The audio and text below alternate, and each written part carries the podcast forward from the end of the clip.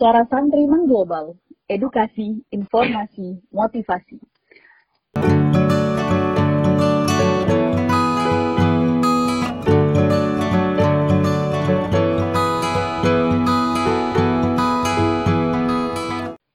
Oke, teman-teman santri mengglobal, di episode podcast kali ini kita kedatangan podcaster tamu.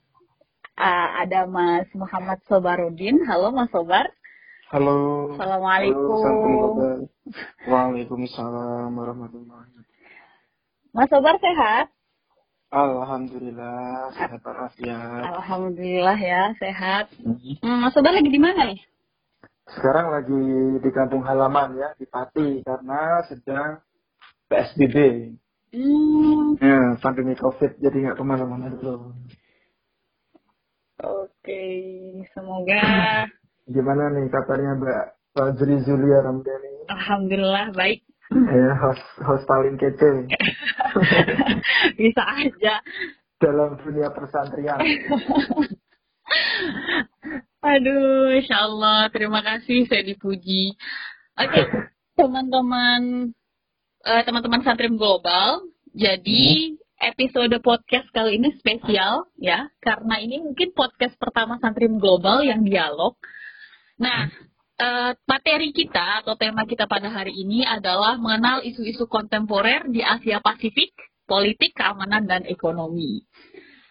Sebelum kita ke materi, kita akan kenalan dulu dengan Mas Sobar. Mas Sobar boleh dong cerita, Mas Sobar ini Oh. siapa gitu. Oh iya. Oke. Mm-mm. Saya se- ya perkenalkan ya nama saya Muhammad Sobarudin Mm-mm. dan saya studinya ya dari SD sampai MA di Pati Jawa Tengah di kampung halaman saya. Saya juga nyantri Mm-mm. di Radutul Muktadiin. Kemudian saat S1 saat S1 saya lanjut di Unwali Songo Semarang. Alhamdulillah dapat program PBSD ya. Mm. Eh, saat itu saya dikasih kesempatan juga untuk eh, belajar ya, berkembang melalui CS Suara juga. Ada di periode 2012-2013 sempat jadi ketua. Kemudian setelah itu saya eh, punya keinginan besar untuk lanjut S2. Saya pengen keluar Mhm. negeri gitu gitu. Dan memang semenjak S1 saya suka membaca artikel-artikel atau isi-isi yang ada di internet maupun di koran Mhm. tentang hubungan internasional, tentang isu-isu Asia Pasifik. Sehingga saya daftar S2 luar negeri, memang saya ngincernya HI ya. Kebetulan eh, Asia Pasifik merupakan salah satu rumpun HI dan alhamdulillah saya eh, dapat kesempatan studi di Thammasat University Thailand. Oke. Seperti itu. Oh menarik ya, Mas Sobar. Teman-teman S1 S2-nya beasiswa. Alhamdulillah. Sama kayak Mbak Fadri. Nggak dong. Eh, ini beda kasta S2-nya di luar negeri nih. Di Tamsat University. Iya. Oke. Boleh nggak diceritain sedikit sih, Mas Sobar, sebelum kita langsung nih ke intinya. Apa sih yang menurut Mas Sobar kenapa tema ini jadi menarik gitu dan urgensinya buat teman-teman? Oh iya begini, jadi isu Asia Pacific Studies itu sebuah Hmm. kajian yang sifatnya dinamis.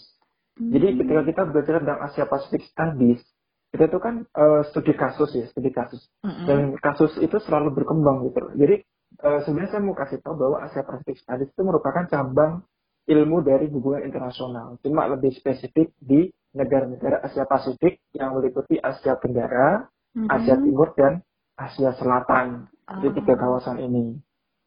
Kemudian eh, kenapa kok penting ya? Terutama kalau teman-teman yang suka tentang kajian politik ekonomi ya, atau eh, global politics ini sangat menarik karena eh, di kawasan Asia Pasifik itu sangat dinamis sekali. Mm. Eh, apa namanya relasi antar negara yang satu dengan yang lainnya tuh pasang surut gitu ya. Contoh Mm. kasus yang mungkin sekarang sedang naik itu adalah tentang eh, konfrontasi antara India dan Cina. Kemudian Hmm. kalau kita tarik dua tahun yang lalu tentang Laut Cina Selatan. Mm. Kemudian terkait dengan Indonesia misalnya ketika dulu tiga tahun yang lalu Mhm. eh, Indonesia sempat bikin fikir ketika penenggelaman kapal oleh Menteri Susi Oke. itu salah satu Mhm. kajian yang eh, sangat menarik. Menariknya apa? karena variabelnya itu dinamis, jadi selalu Ah. baru gitu.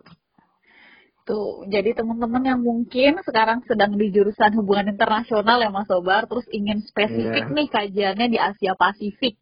Oh, boleh banget nih nyusul jadi satu alma mater sama Mas Sobar ya. Oke. Eh, Mas Sobar boleh cerita nggak ketika studi Asia Pasifik ranah apa saja sih yang dibahas? Oh iya. Asia Pasifik. Mm-mm. Nah ini yang bagian yang paling saya suka dari Asia Pacific Studies. Mm-mm. Jadi eh, ya setiap semua bidang itu ada plus minusnya ya. Mm-mm. Asia Pacific Studies itu plusnya itu begini. Kita belajar tentang banyak hal, terutama empat rumpun ya. Yang pertama politik, ekonomi, security, sama history atau sejarah. Mm-mm. Kita belajar tentang hal tersebut tentang di kawasan Asia Pasifik. Jadi eh, tapi nggak spesifik per negara ya, tapi lebih ke general saja. Mm. Jadi kelebihannya kita itu kayak eh, banyak sekali input ilmu yang kita dapat dari kajian ini begitu. Minusnya itu Mhm. gini, minusnya itu adalah eh, kita mempelajari karena banyak eh, apa skopnya itu luas. Ada empat aspek tadi, politik, ekonomi, Mm-mm. eh, security atau keamanan, kemudian sejarah, history. Mm-mm. Jadi kita tuh terlalu dangkal gitu mempelajarinya. Jadi secara general aja. gitu. Oke. Tapi nanti ketika menjelang menjelang tesis, Mhm. Kemudian kita dikerucutkan dari keempat bidang ini mana yang bikin kamu eh, Tertarik. tertarik gitu ya. Passion kamu di mana kalau di politik ya udah fokus di politik tesisnya kali tentang politik di Asia Pasifik tadi. Wah, oke oke. Kalau boleh tahu kemarin Mas Sumber ambil tesis tentang apa nih dari empat Ah. bidang ini? Nah, dari empat bidang ini saya kombinasi antara politik dan ekonomi. Saya Hmm. mengkaji tentang eh, secara general internasional political ekonomi. Mhm. Saya menganalisa tentang pemasaran Mhm. tuna industri tuna kaleng. Ya saya Oh. membandingkan kasusnya Thailand dan Indonesia. Begitu. Oke. Jadi ini menarik. Menariknya begini. Mm-mm. Jadi Thailand itu mendominasi pasar tuna kaleng 40% sedunia. Wow. Nomor satu di menarik kan? Iya. Sementara Indonesia, Aha. Thailand kan dia 40% Oke. mendominasi pasar tuna kaleng. Hmm. Indonesia cuma 5%. Wow. 5%. Padahal kalau kita lihat di peta, Mhm. luas lautnya Indonesia sama Thailand itu nggak ada nggak ada seperempatnya mungkin ya. Iya. Nah, jadi di situ eh, saya mengkaji oh ternyata banyak faktor kenapa Thailand bisa bisa 40% mengalahkan Jepang bahkan mengalahkan Amerika Mhm. ya Eh, mengalahkan Indonesia apalagi gitu kan Uh-uh. karena eh, salah satunya eh, pemerintah Thailand melakukan eh, supporting policy di situ termasuk Oke. bagaimana ia mendapatkan eh, bahan mentah ikan itu Mm-mm. kemudian pemasarannya dan sebagainya itu yang yang saya kaji Terus apa sih yang harus diperbaiki? Ma- eh, masih di topik tadi ya Mas Sobar. Apa sih Iya, yang harus iya. diperbaiki misalnya dari Indonesia untuk meningkatkan produksi tuna kaleng itu? Eh, Oh, pemasaran, sorry. Eh, iya, penjual, ya, penjualan, penjualan ya. pro- produksi ya. Mhm. Jadi kenapa kenapa Indonesia bisa kalah sama Thailand? Jadi satu faktor pertama adalah eh jadi saya pakai quarter diamond model gitu kan. Di situ ada beberapa yang dianalisa. Salah satu Mhm. adalah ketersediaan bahan makan eh, bahan mentah ya. Hmm. Bahan mentah. Jadi Indonesia ini melimpah sekali eh, spot-spot yang menjadi eh, spot-spot yang menjadi apa namanya area pemancingan atau penangkapan ikan tuna. Mm-mm. Salah satunya di Natuna, di Binjai dan sebagainya. Mm-mm. Sayangnya satu, nelayan-nelayan tersebut tidak menjual hasil tangkapannya pada industri di Indonesia. Oh. Karena apa? Karena secara lokasi itu jauh. Jadi kayak di Natuna misalnya itu kan lokasinya di lebih dekat Malaysia. Mm-mm. Ke atas dikit sudah sampai Bangkok gitu kan. Mm-mm. Kalau di ke, ke utara dikit ya kalau di peta. Itu sampai Hmm. Bangkok. Sedangkan tempat-tempat eh, pengalengan tuna, industri tuna di Indonesia itu lokasinya mayoritas itu Jawa sama Bali. Oke. Jadi para nelayan ini daripada dia bawa tunanya ke Jawa, yang Hmm. mana itu lebih mahal secara dari transportasinya, Mm-mm. dia jual lah ke Bangkok. Jadi Hmm. Bangkok harganya lebih tinggi begitu. Nah, Oke. itu salah satu kenapa eh, dari segi bahan baku Thailand punya banyak. Dan Thailand juga melakukan impor ini nggak cuma dari Indonesia, dari negara Vietnam dia juga menerima impor gitu kan. Hmm, Oke. Itulah. Kemudian eh, dari segi eh, apa namanya modernitas industri itu sendiri di Thailand sangat modern sekali dan dia Hmm. kerjasama dengan Jepang untuk melakukan eh, sistem sanitasinya, kemudian Hmm. pengolahannya, packagingnya itu lebih bagus dibanding Indonesia sehingga kapasitas produksi Thailand jauh lebih tinggi dibanding Indonesia. Kemudian ini saya ambil poin utamanya aja ya. Oke. Kemudian yang yang ketiga poin penting yang kenapa Indonesia 5% dari Hmm. total produksi tuna kalian di dunia, sedangkan Thailand 35 sampai 40 persen adalah negara Thailand itu bekerja sama dengan importer atau konsumen tuna dunia. Hmm. Jadi ada tiga kelompok konsumen, tiga kelompok besar konsumen tuna kaleng dunia. Pertama Jepang, Hmm. kedua Eropa, Uni Eropa ya, seluruh negara Eropa. Yang ketiga adalah Amerika Serikat. Wow. Thailand, pemerintah Thailand bekerja sama dengan negara-negara tersebut supaya produk tuna kaleng mereka tidak dikenai eh, pajak begitu. Jadi zero Ah. cost tariff ya Ah. istilahnya dalam Oke. eh, eh, tarif bariernya itu diturunkan sehingga harga tuna kaleng yang masuk ke sana eh, apa otomatis kan bisa lebih murah karena Betul, dia tanpa betul. pajak Ah, Betul. karena zero zero zero tax gitu kan. Ah, Sementara oke. Indonesia, contoh kayak kasus Jepang dia masih dikenai pajak sekitar 7 persen sehingga Hmm. produk Indonesia sulit bersaing dari segi har- segi harga dengan produknya Thailand seperti itu. Oke. Mungkin ada ini nggak Mas Sobat, ada solusi nggak kira-kira? Apa mungkin pembangunan pabrik di daerah-daerah yang eh, dengan kawasan laut yang mungkin bisa sangat tinggi ya produksi ikan mentahnya, eh, bahan mentah untuk tuna kaleng? Atau bagaimana Iya. kira-kira solusi? Iya, dari solusi sendiri sebenarnya Mm-mm. eh, kemarin saya sempat baca di Kompas itu Pak Luhut sudah eh, Bu Susi ketika masih Bu Susi sebagai Mhm. Menteri KKP Mm-mm. itu sudah bikin eh, produksi tuna kaleng di eh, Natuna, Natuna. Tapi Hmm. sekarang masih on progress gitu untuk Oke. mengantisipasi penjualan tuna mentah ke negara lain termasuk Thailand. Jadi ya mungkin salah satu solusi supaya produksinya tuna kaleng kita menggenjot. Iya, karena tuna ini merupakan salah satu eh, komoditas yang paling menghasilkan banyak uang. Jadi salah Hmm. satu komoditas ikan kan kita negara maritim ya. Iya Dua- betul. Dua per tiga wilayah kita itu maritim sih kekayaan laut kita ini salah satu yang paling menghasilkan uang itu tuna. Yang nomor satu itu udang, termasuk jenis-jenis udang itu ya. Mm-mm. Yang nomor dua itu ternyata adalah tuna gitu loh. Hmm. Jadi sangat inovatif karena kita wilayah lautnya eh, luas tapi di apa di produk eh, dari dari sisi produktivitas kita cuma 5% kalah dari negara yang lautnya lebih sempit gitu kan. Iya. Seperti itu. Kemudian satu lagi nih solusinya, Mhm. pemerintah harus melakukan eh, negosiasi dengan Mhm. negara importer, Mhm. importer terbesar terutama, Mhm. supaya eh, apa namanya em, em, bisa menghilangkan zir, eh, apa tarif barrier itu. Jadi supaya komoditas kita bisa zero Bersaing. tax, Ah, ah, seperti itu melalui bilateral relationship. Wah, Mas Sawar menarik ya. Iya, Betul, ini betul, yang saya suka menarik. sebenarnya.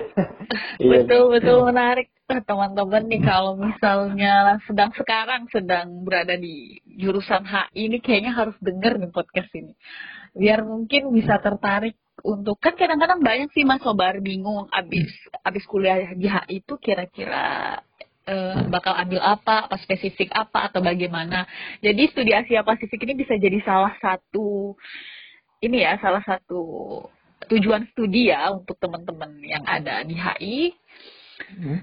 mungkin bisa nyusul Mas Sobar nih biar bisa Amin. amin amin Eh, Mas Sobar ini kuliah berarti selama 4 semester juga nggak sih kayak di Indonesia? Oh, enggak. Jadi program Aha. saya ini unik ya. Program ini salah satu yang spesial. Ya. Di dunia cuma ada tiga. Di, pertama di NU, Australia National University. Saya aha, sempat daftar ke sana tapi belum beruntung. yang kedua di Waseda, Waseda University Jepang. aha. Yang ketiga itu Tamasat. Eh, Hmm. di, jadi program saya cuma tiga semester. Tiga semester. Oh, tiga Dan saya teman angkatan ketiga. Oke, wah, Masih baru sekali. wah, menarik. Eh, kemudian tiga semester itu apakah sudah termasuk research atau? iya. Oke, berarti tiga kalau umumnya kita empat semester termasuk riset, berarti Mas Sobar tiga semester termasuk riset. Iya, tiga semester masuk riset. Jadi dua semester itu full kuliah. Mhm. Yang semester ketiga itu riset sama sa- masih ada satu mata kuliah tambahan Oke. gitu. Nah, mengenai materi mata kuliah atau mata kuliah apa sih yang paling menantang atau paling sulit sekali di dalam studi Asia Ah. Pasifik menurut Mas Sobar? Yang paling sulit menurut saya adalah Hmm. poli- eh, mata kuliah namanya Political Security and Defense Strategy. Hmm. Jadi tentang eh, politik keamanan dan strategi bertahan. Oh, Ini dosen, dosen saya namanya Takashi Sukamoto. mhm. Dia orang Jepang yang ngajar saya eh, mata kuliah ini. Ini mata kuliah ini ke- kok fokusnya itu tentang bagaimana negara-negara di Asia Pasifik melakukan eh, apa namanya menjalankan politik keamanan mereka. Hmm. Bagaimana mereka bertahan dari ancaman Korea Utara, bagaimana dia Hmm. bertahan dari gangguan eh, negara lain, terutama Cina dan Korea Utara, salah satu dua negara di Asia Pasifik yang sering bikin gaduh ya. Jadi itu, Oke. itu ini sangat menarik karena sangat Aha. filosofik banget gitu loh. Oke. Sangat filosofik banget gitu. Sampai ditandai gitu ya dari di banyak negara di Asia Pasifik. Dua negara ini. Maksud- Iya, iya, karena isunya dari yang saya pelajari, dari isu Mhm. yang saya pelajari, sejarahnya memang yang suka bikin eh, uji coba nuklir, kemudian Mhm. mengklaim batas wilayah, ya, batas wilayah Laut Cina Selatan itu kan Mhm. eh, itu ya Cina sama Korea Utara. Korea Utara itu selalu bikin provokasi nuklir. Kalau Cina itu mengklaim wilayah laut yang mana wilayah laut tersebut miliknya Vietnam, miliknya Thailand, Malaysia, Brunei, Filipina. Jadi lima negara ini wilayah lautnya diklaim oleh Cina gitu loh. Itu yang bikin ramai gitu kan. Oke. Jadi itu mata kuliah Mas Sobar yang paling sulit. Yang paling Kira-kira. sulit yang menantang ya, iya benar. Karena banyak istilah-istilah bahasa Korea, Mhm. istilah-istilah bahasa Jepang yang Ah. yang susah dihafal. Memang harus dihafal tapi menarik gitu. Jadi karena murid jadi perlu dipahami kemudian analisanya bagaimana politik mereka itu itu Hmm. seru-seru. Oke. Terus Mas Sobar ada nggak organisasi nih eh, bagi negara-negara yang berada di kawasan Asia Pasifik? Eh, namanya ada ada namanya APEC Asia Ah, Pacific oh, Economic Community Oh, ya, iya. APEC. Ah, ah, ah, ah. Oh iya Ya. pernah dengar, pernah dengar. Iya. Itu apa aja sih dibahas di APEC itu? Kalau APEC sendiri fokusnya lebih kerjasama ekonomi ya. Jadi negara-negara APEC ini eh, apa namanya berusaha apa namanya supaya jual beli mereka kalau bisa kalau katakanlah nih Indonesia punya punya apa ya batu bara misalnya Mhm. Ya, kalau bisa ya jualnya ke negara APEC itu gitu loh Ah, jangan sampai saling- saling Ah, ah, saling biar saling negara APEC ini saling tumbuh Oke. kemudian di bidang investasi dan lain sebagainya kayak gitu Ah, jadi fokusnya memang di ranah ekonomi ya kalau di APEC. Eh, Selain ya lebih ke ekonomi selain itu nggak ada, belum ada. eh selain itu sih kalau mencakup Asia Pasifik ya Mhm. belum ada Ah, tapi kalau perkawasan kayak Asia Tenggara itu ada Oke. Eh, ada uh, Amali ASEAN, kemudian ASEAN bercabang lagi ada beberapa di bidang ekonomi, kayak sekarang mau isunya AEC kan, ASEAN Economic Community, gitu Aha. kan. Mhm. yang isunya pengen ada mata uang tunggal, tapi masih dalam penggodokan. Ah, Kemudian di di Asia Timur juga ada, tapi namanya, di Asia Timur apa gitu. Ya intinya mereka punya organisasi, dan itu kerjasamanya nggak hanya ekonomi, tapi juga di eh, militer ya, militer Hmm. dan juga politik. menarik ya Mas Sobar. Eh, ini Iya. pertanyaan terakhir sih sebenarnya. Hmm. urgensi studi ini dalam keindonesiaan atau kira-kira ma- mahasiswa Indonesia kenapa sih harus belajar tentang studi Asia Pasifik? Oh iya, begini. Em, eh, banyak instansi-instansi pendidikan di Indonesia yang sekarang pengen go internasional. Hmm. Jadi bukan cuma di Indonesia sih. Hampir di semua negara ASEAN, bahkan Ah. dunia itu pengen menginternal, menginternasionalisasi diri.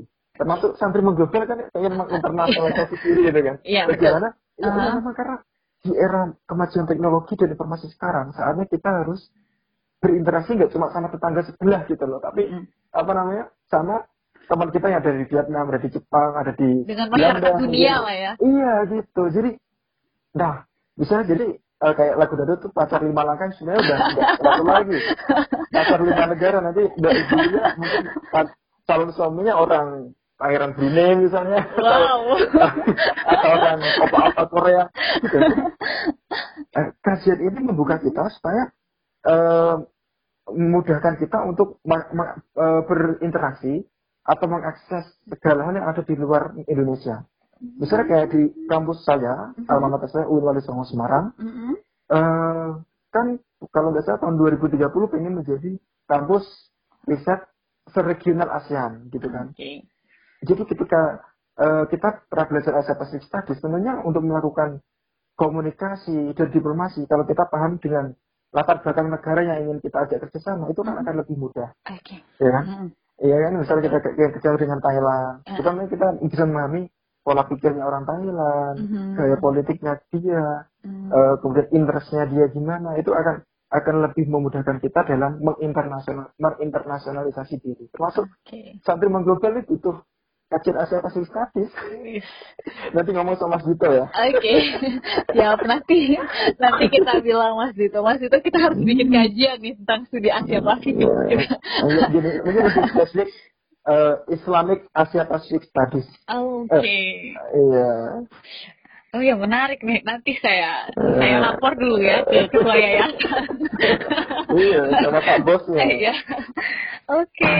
Wah, berarti jadi teman-teman bak se- eh, untuk menginternasionalisasikan diri, menginternasionalisasikan lembaga dan Indonesia ya salah satu caranya ya adalah mempelajari kajian-kajian dari negara-negara yang hendak kita ajak kerjasama ya salah satunya dengan studi Asia Pasifik ini gitu kan Mas Sobar Betul sekali. Iya, betul. ya Insya Allah menarik sekali teman-teman.